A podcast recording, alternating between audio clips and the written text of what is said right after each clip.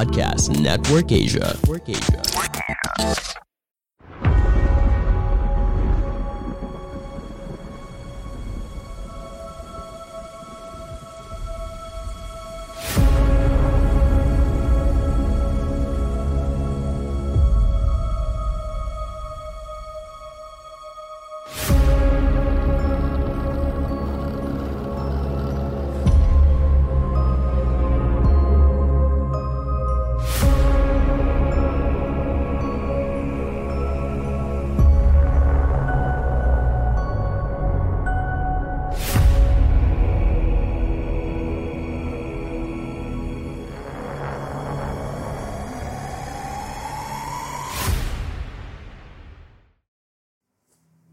Halo semuanya, nama aku Iksan. Balik lagi dengan aku di sini di podcast dengerin horror di episode terbaru di hari Minggu.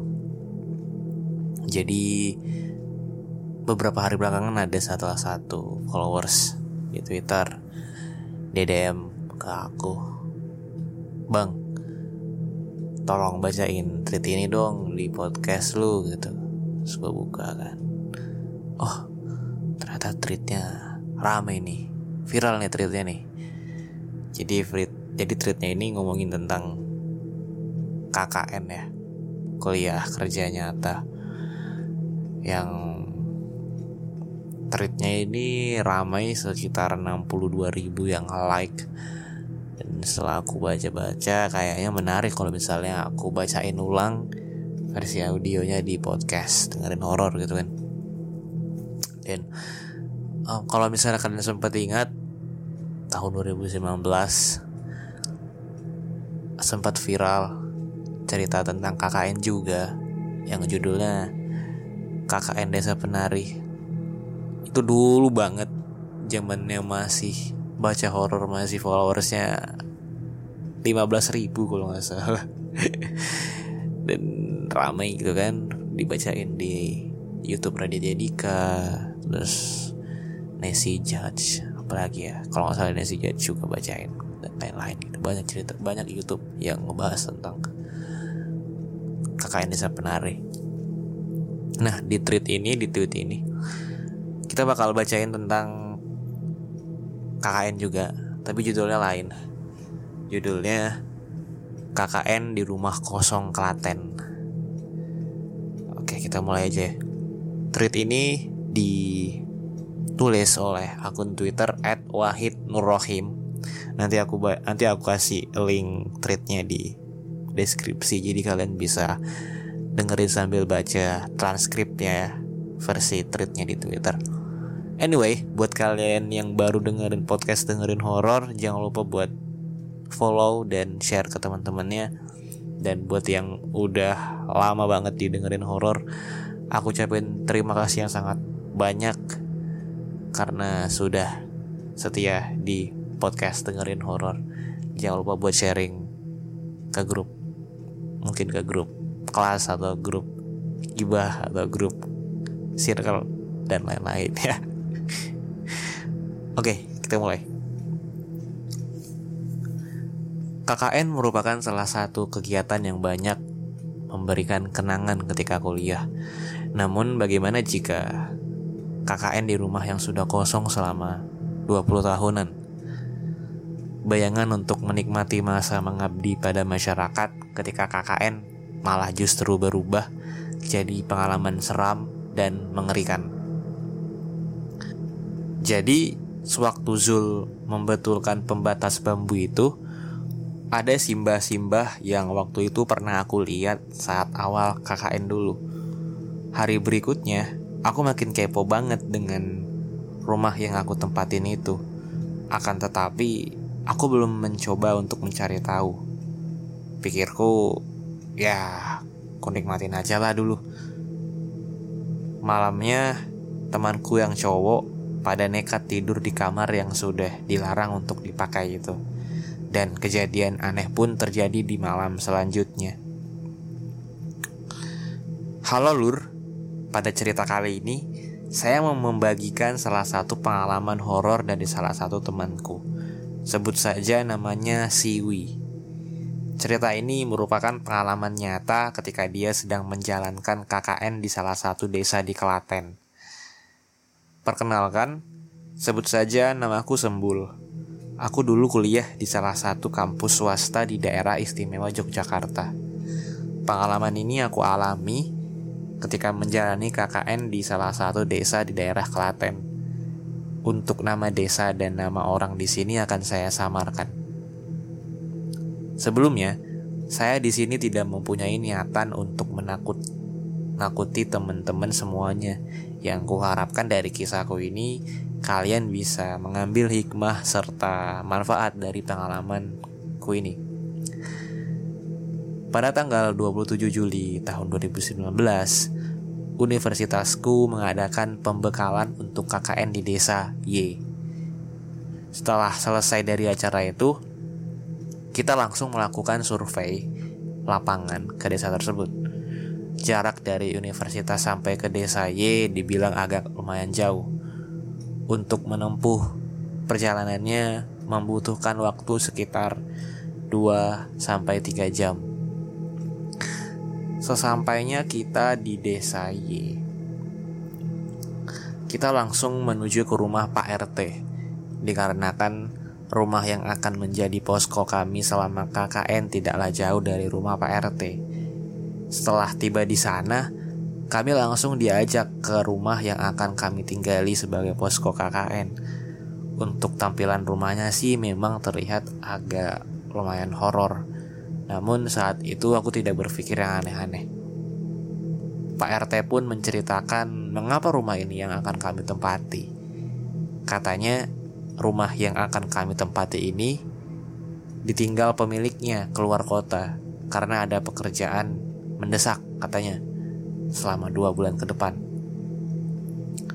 Untuk gambaran singkat rumahnya kurang lebih seperti ini. Kondisi rumahnya masih tergolong bagus, terdapat dua kamar tidur, kamar mandi, dapur, serta aula. Nah, akan tetapi, anehnya dua kamar tidur itu tidak boleh ditempati maupun dimasuki. Tidak lama setelah kejadian itu, aku diajak temanku keluar sebentar dan dia pun bertanya, "Kamu merasa aneh nggak?" "Iya, dan agak merinding juga," jawabku. Setelah itu, temanku panggil saja dia Zul. Aku diminta untuk tidak menceritakan ke teman yang lain kalau aku merasakan hal yang aneh. Hanya kita berdua aja yang tahu, ucap Zul kepada aku. Dan KKN pun dimulai. Hari pertama KKN, yang cowok dan cewek berantem karena berebut kamar untuk tidur. Ya, wajar aja, karena ada dua kamar dan aula yang tidak boleh ditempati. Karena hanya diperbolehkan memakai dua ruangan saja yaitu ruangan tamu dan ruangan diampit oleh aula dan dua kamar kosong itu. Akhirnya yang cewek tidur di ruangan tamu dan yang cowok tidur di ruangan samping aula. Pada awalnya tidak terasa begitu horor, akan tetapi perasaan sudah mulai beda. Nah, seiring berjalannya waktu, KKN mulai banyak kegiatan seperti rapat dengan Karang Taruna, rapat dengan warga, dan lain sebagainya. Karena antar dusun begitu akur jadi kita bikin acara terpisah. Nah, waktu itu ketika yang cewek-cewek sedang makan di angkringan yang letaknya di belakang posko KKN, kita makan di bawah pohon mangga dan duduk di kursi panjang, atau biasanya disebut lincak dalam bahasa Jawa. Pada awalnya, aku udah gak mau makan di situ karena memang katanya si Zul, aku tidak diperbolehkan keluar makan pada malam itu. Tapi karena aku merasa kasihan dengan teman yang lain, akhirnya aku memutuskan untuk ikut makan keluar pada malam itu. Dan saat minuman datang, aku mulai merasa merinding. Tiba-tiba jatuhlah daun mangga di atasku dan lama-lama ada yang bisik-bisikin di telinga. Sejauh itu aku masih mencoba tenang dan gak lama setelah itu tercium aroma semerbak bunga. Saat minuman datang, aku mulai merasa merinding dan aku menanyakan pada temanku apakah mereka mencium wangi bunga atau tidak. Akan tetapi anehnya mereka dengan kompak menjawab tidak. Setelah itu aku langsung menelpon Zul untuk segera menjemputku juga pada saat itu. Sesampainya di posko KKN, Zul bertanya padaku, "Ada apa?" Tapi aku di sana malah menjawab, "Gak ada apa-apa kok." Akan tetapi, si Zul ternyata sudah tahu dengan apa yang kualami barusan ketika di angkringan. Dan akhirnya aku menceritakanlah kejadian yang aku alami ketika di angkringan kamu itu sensitif. Makanya kalau disuruh di rumah aja itu nurut. Ucap Zul. Hari-hari selanjutnya aku makin parno kalau duduk sendiri harus ada teman yang menemani. Nah, waktu itu ketika sekitar jam 10 malam, aku dibangunkan temanku. Panggil saja dia Tiara. Untuk menemani bikin mie Padahal dapurnya itu serem banget. Waktu dia bikin mie, aku bikin kopi. Eh gak lama, pas dia menyalakan kompor, tiba-tiba lampu di dapur lama-lama redup dan akhirnya mati. Gara-gara itu kami gak jadi bikin mie. Dan keesokan paginya, aku dan Tiara kepo. Kami kepo kami mencoba menghidupkan lampu dapur yang semalam tiba-tiba mati. Nah, di sini mulai muncul keanehan. Bagaimana tidak? Lampu yang semalam tiba-tiba mati ternyata pas kita nyalakan ternyata nyalanya terang banget.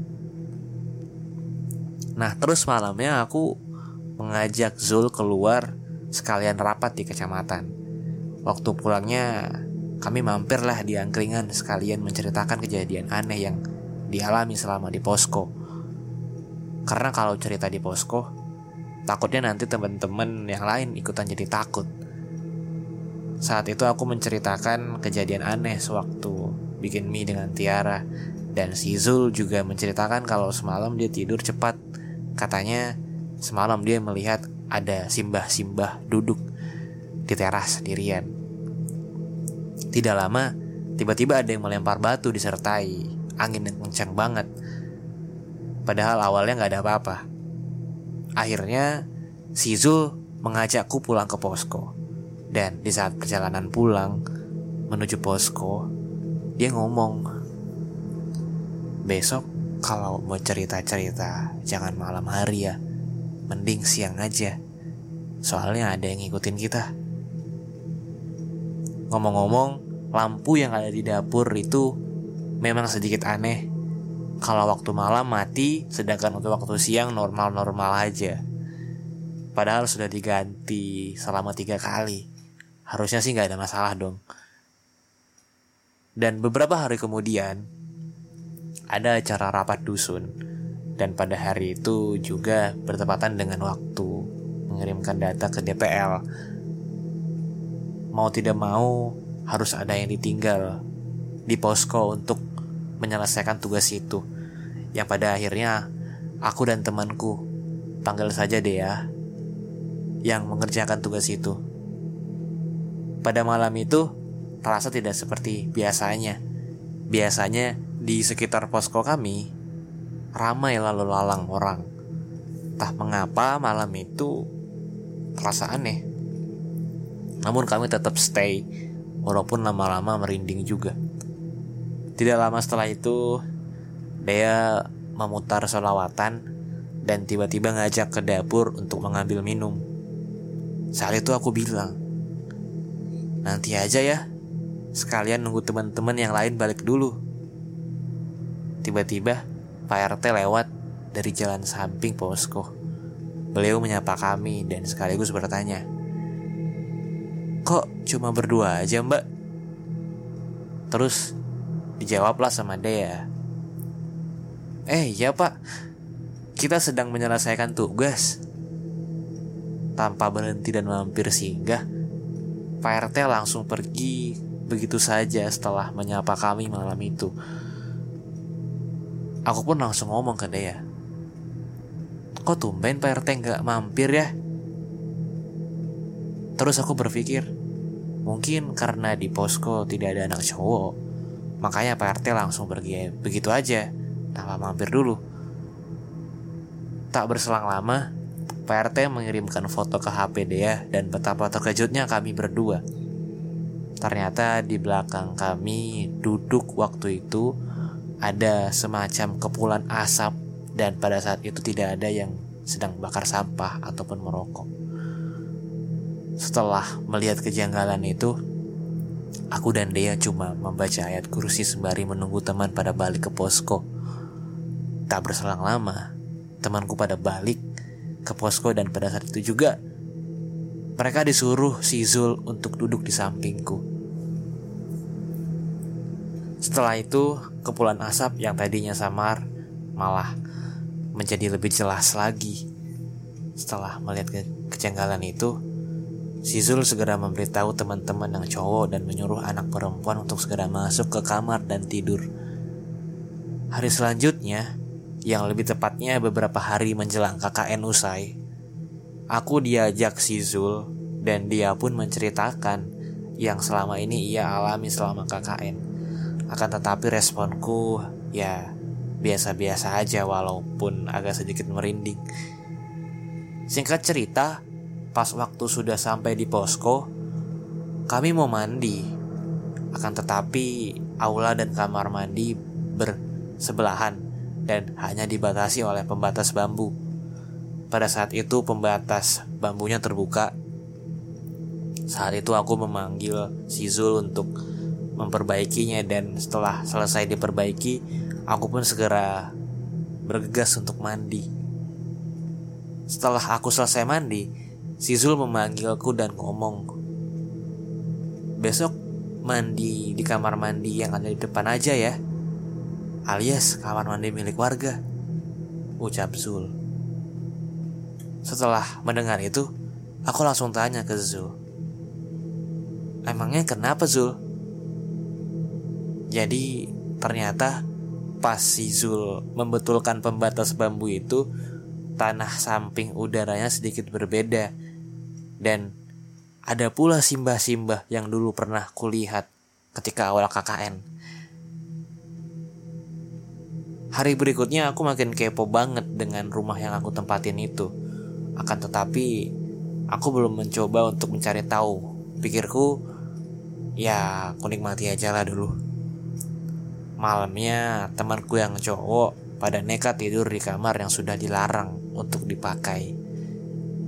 Lama-kelamaan mereka mulai mengelunjak, mulai ngelanggar aturan dan larangan yang sudah disampaikan sewaktu awal KKN dulu. Tadinya temanku yang cewek juga masuk ke aula yang semula tidak boleh dimasuki dengan alasan hanya sebatas kepo aja. Aula kok nggak dibolehin masuk sih? Ucapnya. Dua hari kemudian temanku yang cowok yang kemarin sempat tidur di kamar yang dilarang untuk dimasuki itu pas ketika dia tidur di luar ruangan itu dia tiba-tiba ditarik ke dalam kamar itu kejadiannya mirip sekali dengan adegan-adegan yang ada di film horor setelah kejadian itu si Zul pun mengajakku keluar lagi dia nanya gimana nih udah dua, udah ada dua korban. Lalu ku jawab,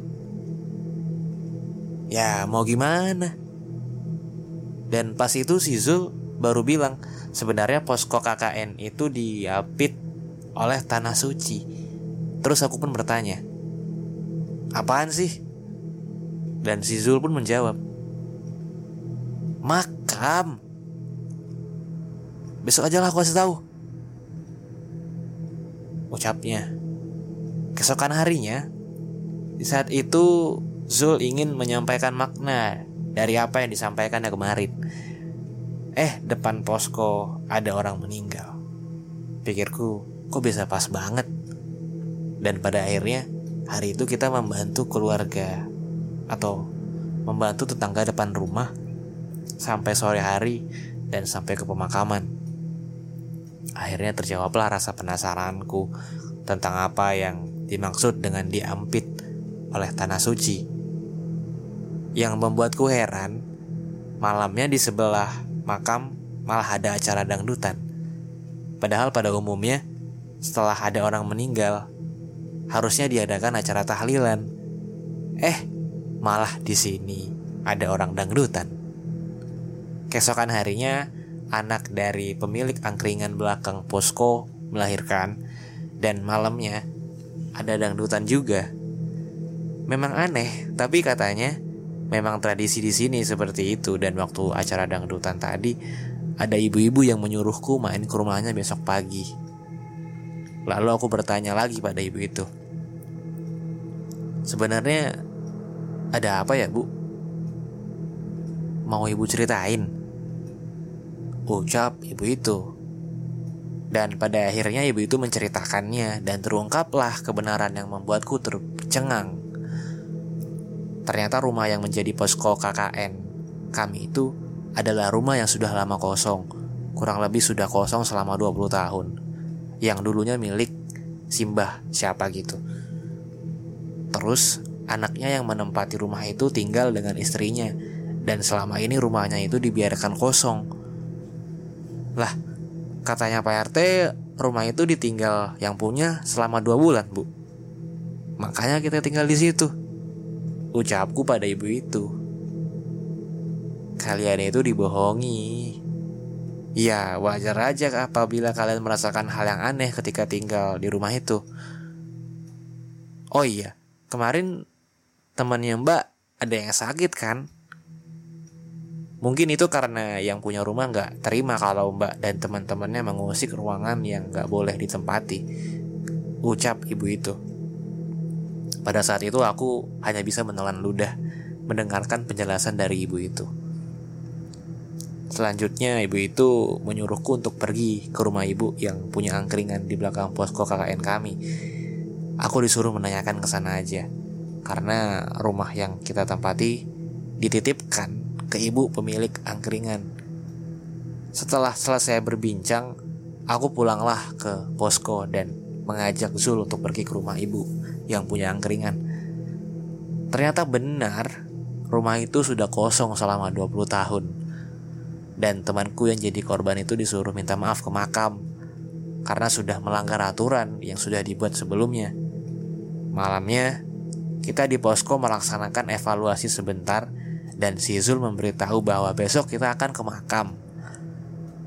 Pada kagetlah teman-teman. Namun si Zul hanya menjawab, Gak apa-apa kok, silaturahmi aja. Ucap Zul kala itu. Setelah evaluasi, pada malam itu, anak cowok pada pergi entah ke mana, dan tinggal anak cewek aja yang tinggal di posko. Ada yang masuk ke kamar dan ada juga yang di luar. Ya, menikmati masa-masa akan berakhirnya KKN.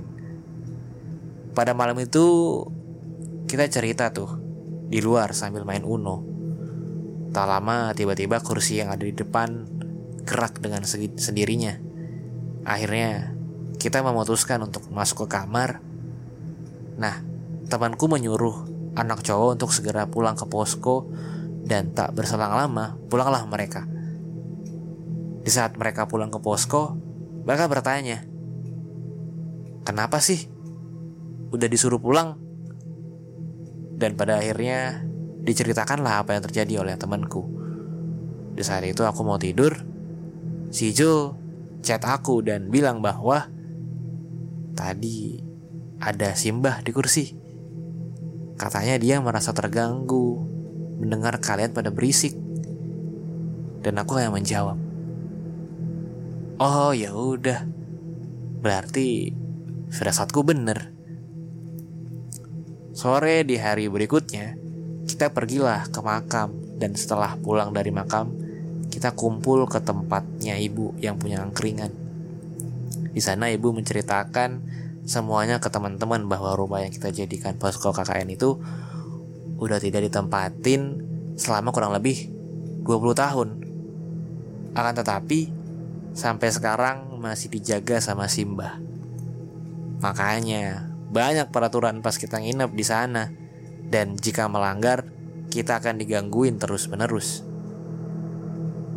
Dan ternyata ibu tahu semua yang kita alami di situ. Nah, semua itu benar adanya. Ternyata yang selama ini diikuti memang benar aku. Makanya aku sering pergi duluan kalau tempatnya dirasa tidak nyaman. Sebenarnya ada satu aturan lagi. Kita ternyata ternyata tidak boleh tidur lewat dari jam 10 malam. Soalnya mengganggu jam istirahatnya Simba. Kalau kita tidur di atas jam 10 malam, pasti salah satu dari kita akan diganggu.